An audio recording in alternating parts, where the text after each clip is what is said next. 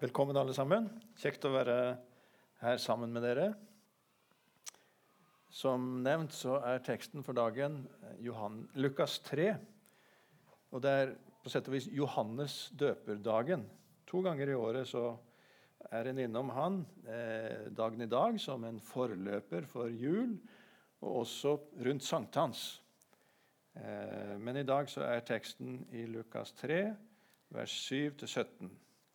Og Der leser jeg i Jesu navn fra den nye eh, oversettelsen fra Bibelselskapet. Mye, mye folk dro ut for å bli døpt av Johannes, og han sa til dem, Ormyngel, hvem har lært dere hvordan dere skal slippe unna den vreden som skal komme? Bær da frukt som svarer til omvendelsen. Og begynn ikke å si til dere selv, vi har Abraham til far. For jeg sier dere, Gud kan reise opp barn for Abraham av disse steinene. Øksa ligger allerede ved roten av trærne. Hvert tre som ikke bærer god frukt, blir hugget ned og kastet på ilden. Hva skal vi da gjøre? spurte folk. Han svarte, den som har to kjortler, skal dele med den som ikke har noen. Og den som har mat, skal gjøre det samme. Det kom også noen tollere for å bli døpt, og de sa til ham, 'Mester, hva skal vi gjøre?' 'Krev ikke inn mer enn det som er fastsatt', svarte han. Også noen soldater spurte ham, 'Hva skal så vi gjøre?' Og til dem sa han, 'Press ikke penger av noen ved vold eller falske anklager, men nøy dere med lønna deres.' Folket gikk nå med forventning og alle tenkte i sitt stille sinn at Johannes kanskje var Messias. Da tok Johannes til orde og sa til dem alle.: Jeg døper dere med vann, men det kommer en som er sterkere enn jeg, og jeg er ikke verdig til å løse sandalremmen hans. Han skal døpe dere med Den hellige ånd og ild. Han har kasteskovlen i hånden for å rense kornet på treskeplassen. Hveten skal han samle i låven, sin, men agnene skal han brenne opp med en ild som aldri slukner. Dette og mye annet la han folket på sinne når han forkynte budskapet for dem. Kjære Herre Jesus, vi takker deg for dette ordet. Vi ber om at du må legge det inn på vårt hjerte, at vi kan forstå det og ta det med oss ut i hverdagen. Signe møtet vårt i fortsettelsen. Amen.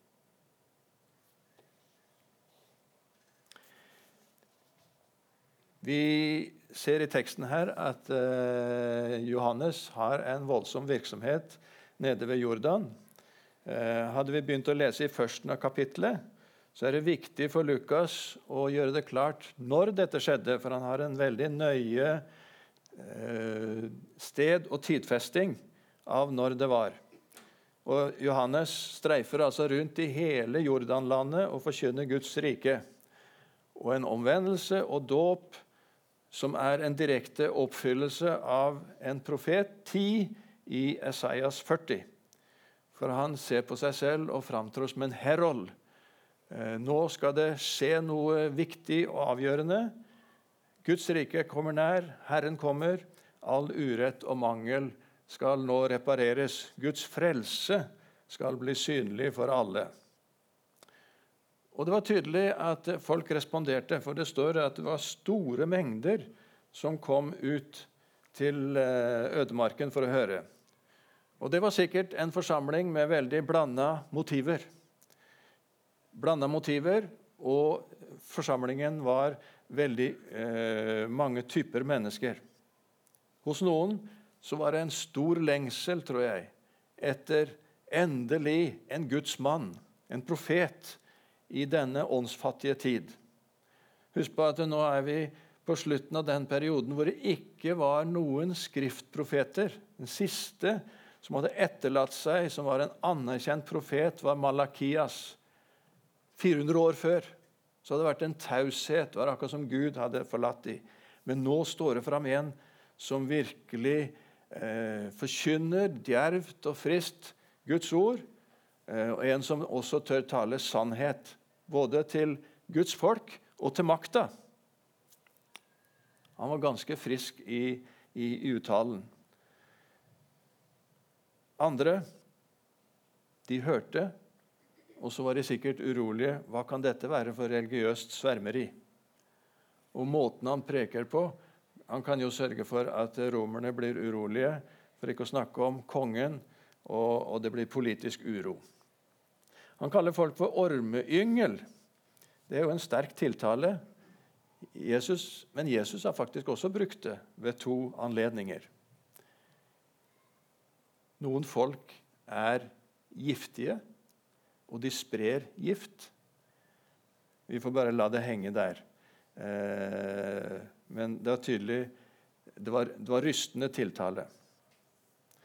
Men så hører vi videre at Johannes han, han, han, har noe å klandre tilhørende for spesielt, for de går rundt og tror mange at eh, vi venter og ønsker at det skal være en dom, men den kommer jo ikke til å ramme oss.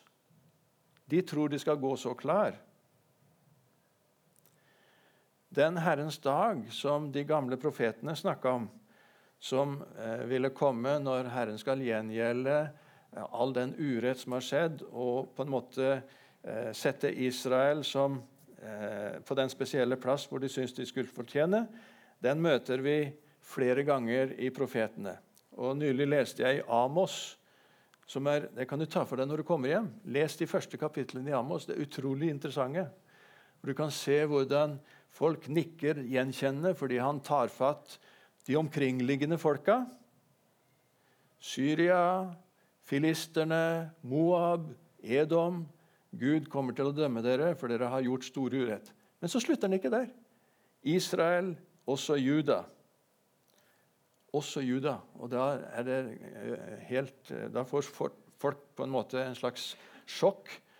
Og når du kommer ut i kapittel 7 hos Amos, så sier de ledende i tempelet folket tåler ikke denne forkynnelsen. Vi må eh, sende denne profeten ut i ødemarka der han kom ifra. Var det språket og det som folk kjente igjen nå.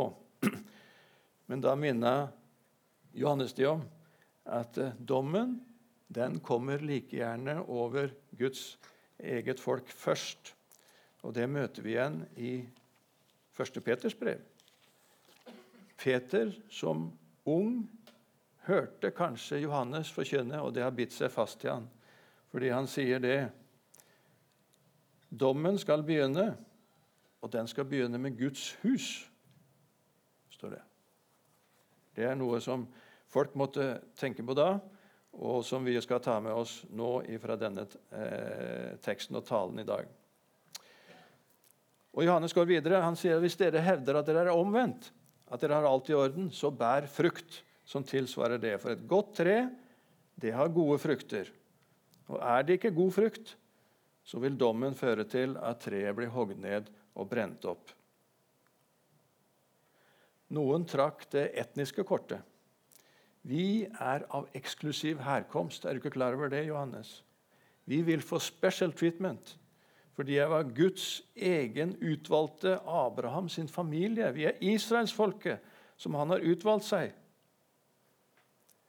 Johannes er ganske direkte. Han sier det gjør ikke inntrykk på Gud i dommen.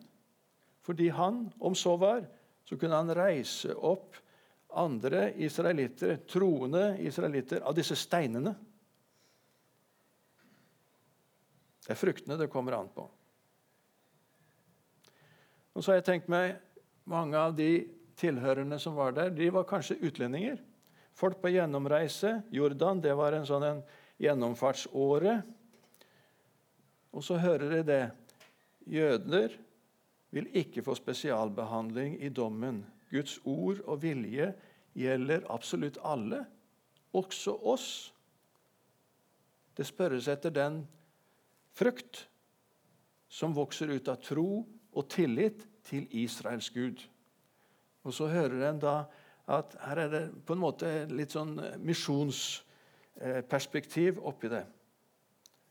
Tro og tillit til Gud, Israels Gud, paktens Gud.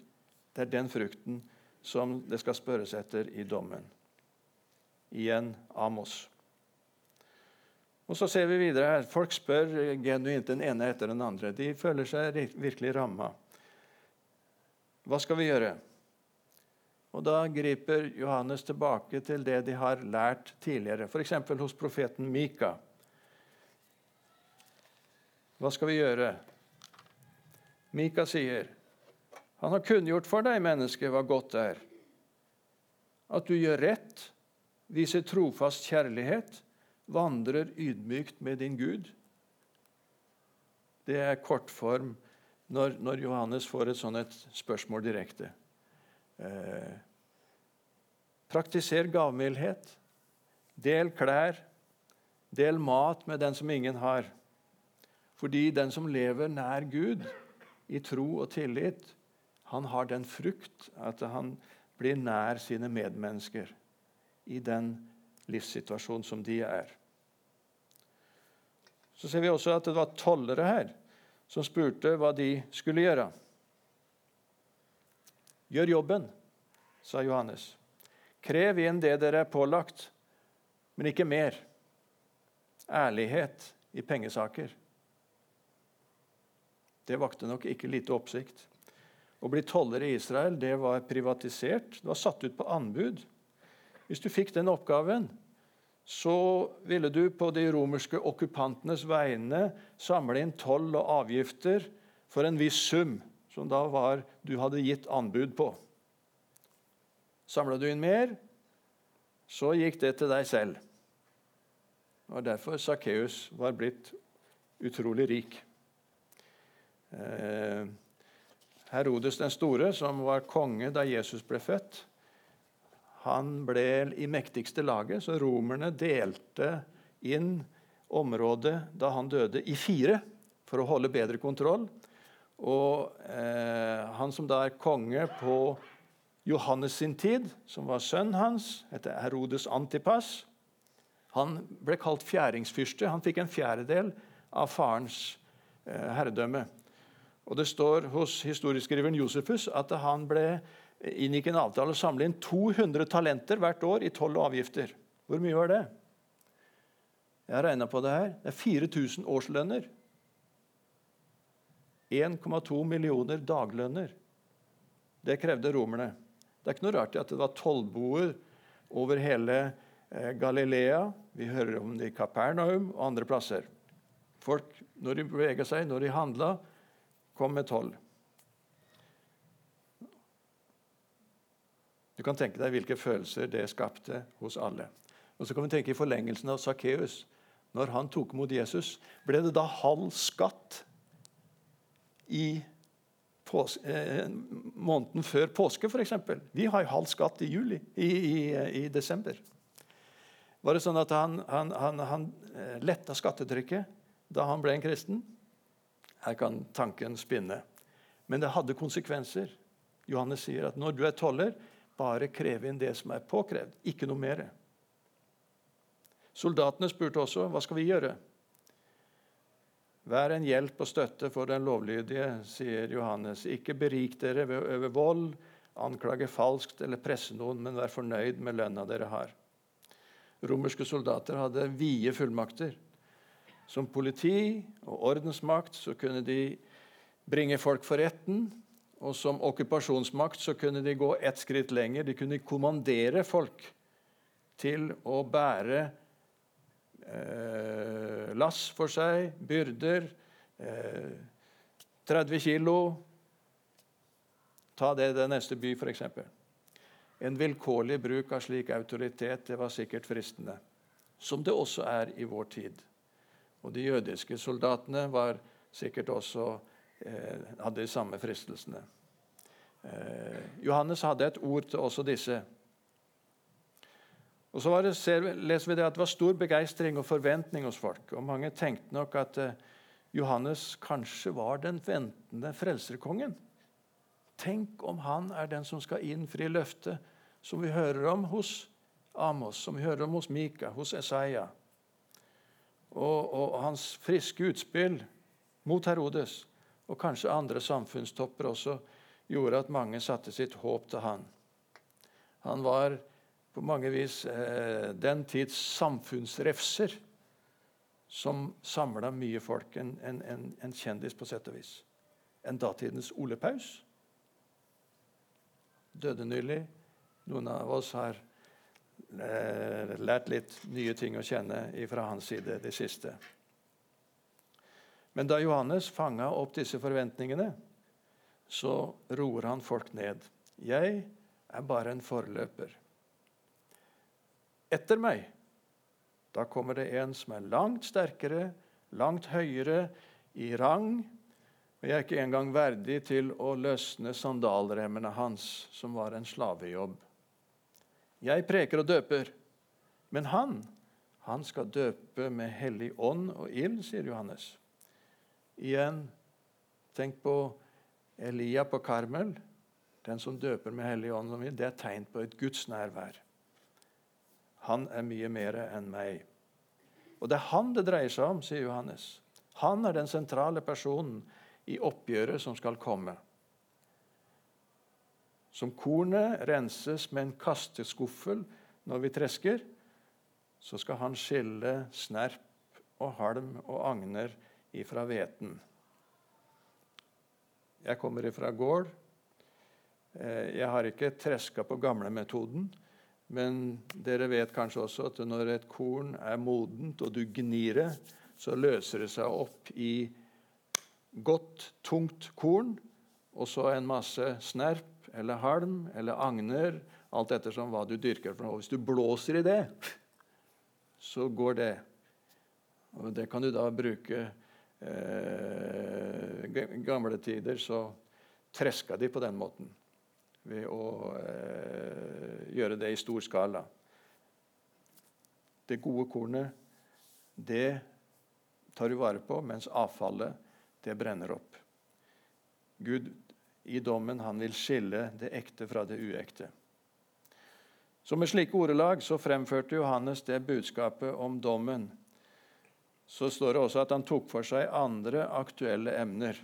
Det var det som gjorde at han fikk en stor forsamling. Han tok bl.a. opp etter at eh, vår tekst eh, denne Herodes Antipasses skandaløse ekteskap.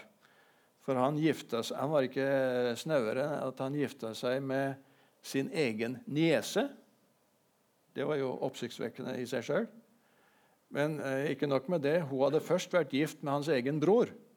Men så skilte hun seg fra han, og så ble hun hans kone. Så den Eh, Herodias, som vi møter seinere i Bibelen, som sørger for at Johannes mister hodet, det var altså kongens niese og kone.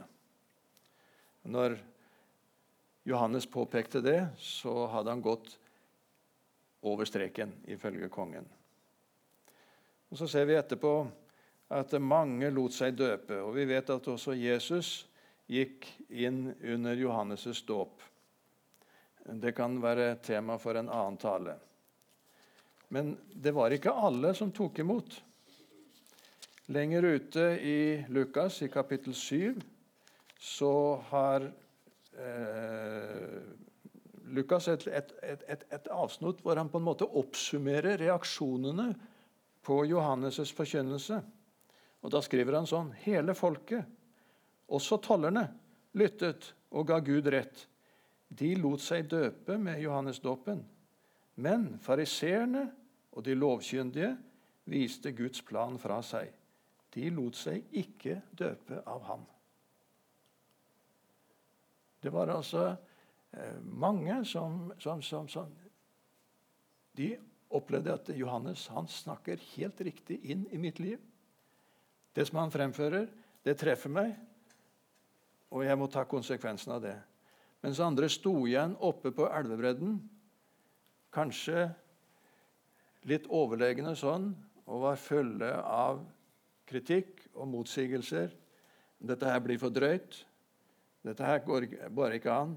Nei, vi reiser tilbake til Jerusalem, for vi vet åssen dette her skal være. Men Lukas sier saken var at de ikke ville gi Gud rett i sitt indre og ikke ville bøye seg. Og da var det Guds plan som de vendte ifra seg.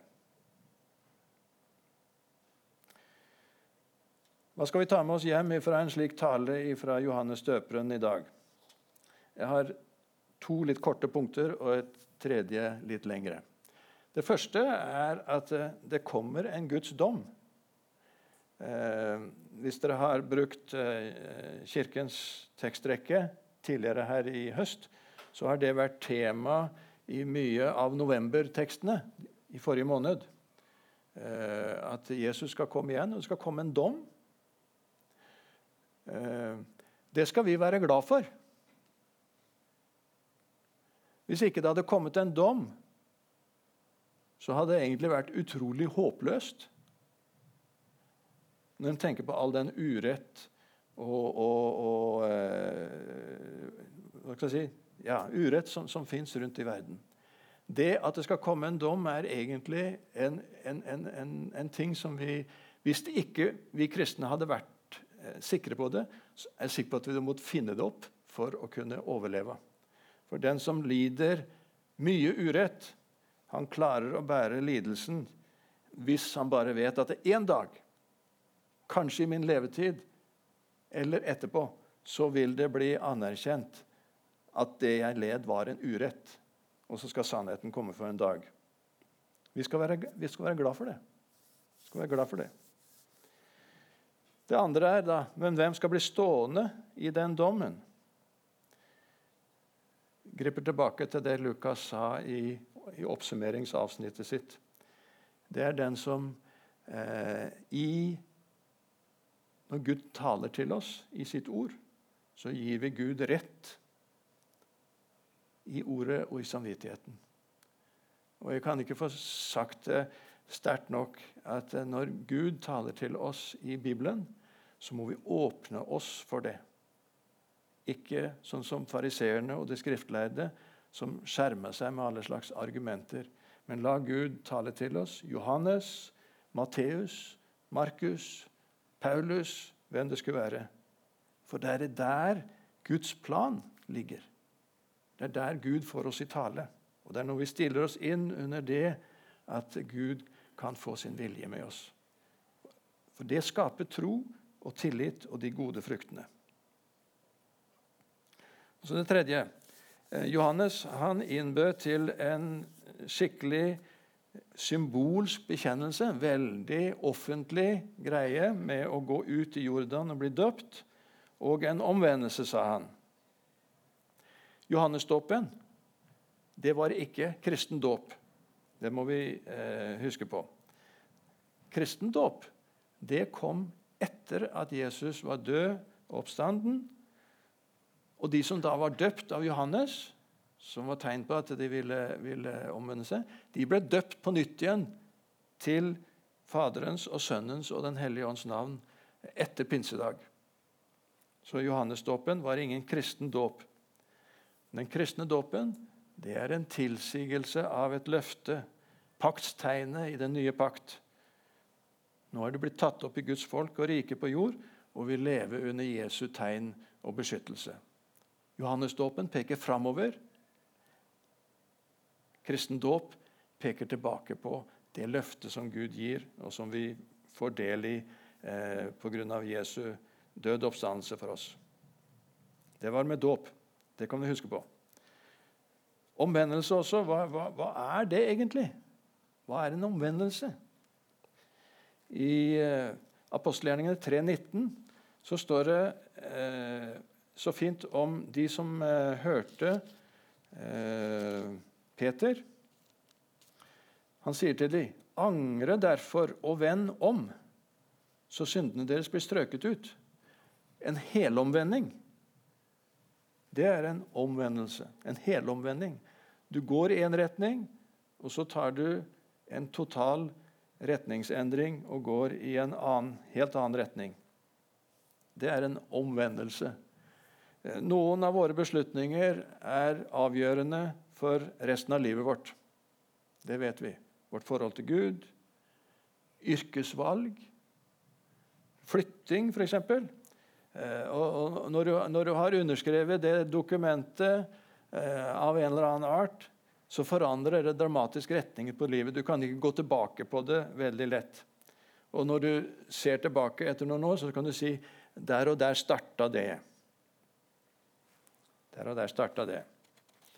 Eh, men så er det noen av valgene og beslutningene som vi må stå i hver dag for at det skal ha noen varig effekt i det daglige liv og det lange løpet. Det er den daglige omvendelsen. Den daglige omvendelsen. Det er hver dag å våkne opp og ta kampen på nytt og på nytt for å stå i den oppgaven som du valgte, for å stå i det ekteskapet som du inngikk, for å motstå de fristelsene som du er omgitt av. Og det er en hard kamp. Og en del bukker under. Fordi den onde tapte han den dagen du sa ja til Gud og Den hellige ånds kall og vilje første gangen, så kan du være sikker på at han leter etter alle mulige strategier for å utvanne, nøytralisere, reversere den beslutningen når du skal sette den ut i hverdagslivet ditt. Noen av dere trener kanskje litt. og Hvis du har det som meg, og da å stå opp om morgenen og du er trøtt, eh, og du opplever at i dag var det tungt, så må du på en måte beslutte deg på nytt igjen. Jeg skal trene i dag. Men det er så lett å, å gi seg på det. Og så vet vi dere det samme. Stå i det. Holde det løftet jeg hadde. Den omvendelsen den må bekreftes dag for dag. Hver eneste dag. Den daglige omvendelse. Og her må vi oppmuntre hverandre, fordi det er en hard kamp. Så vi kan spørre gir det mening å lytte til Johannes døperen i dag på den måten som han forkynte. Johannes talte inn i samtidens kontekst og med samtidens språk. Jeg bør antagelig ikke tiltale denne forsamling som ormeyngel, men vi må innby hverandre til en grunnleggende omvendelse, en daglig omvendelse og nytt liv. Og som Johannes peker på Jesus. Det er Jesus det dreier seg om verden, vår generasjon, vi har våre forventninger om hva som skal til, en slags Messias-forventning nå i vårt århundre. Men det er bare Jesus. Det er bare den kristne fortellingen og det kristne framtidshåpet som faktisk har bærekraft til alle disse forventningene. Det går an å sette sitt lit og sitt håp til noe som ikke klarer å bære det. Men den kristne troen og Jesus gjør det. Når vi neste helg skal markere og feire jul, da skal du vite at i jula så tok historien en helt annen vending. Guds rike var begynt å komme til syne, og det skal sette alt i skikkelig orden. Det ble vi invitert inn i å være en del av. Derfor så må vi ta og gjenta den beslutningen at fra i dag av så skal Jesus, hans rike, hans ord, hans folk, være senter i mitt liv. Og velkommen inn i det fellesskapet når vi nå skal ha nattvær. Helt til slutt Jeg nevnte Ole Paus. Husker du den sangen som han kom med i sitt siste album? Kom hjem, kom hjem, du villfarne barn. Fra din mørklagte vei og fra fristerens garn. Du villfarne barn, du villfarne barn, kom hjem, kom hjem. Kom hjem fra løgn og fra last, fra sorg, fra svik, fra drømmer som brast. Kom hjem. Kom din frelser i favn. Se, han lengter så sårt, og han hvisker ditt navn. Du villfarne barn, kom hjem. Det er en Johannes døper tale fra nylig. Kjære Herre Jesus, vi ber om at vi må ta dette ordet til oss, og at du holder oss i en nærhet til deg, slik at når du taler til oss, så bøyer vi oss for det. Og så kan vi leve i det, og så kan vi ha kraften og frimodigheten og gleden og håpet fordi du er nær oss, og vi er nær deg i alle livets ulike utfordringer. Amen.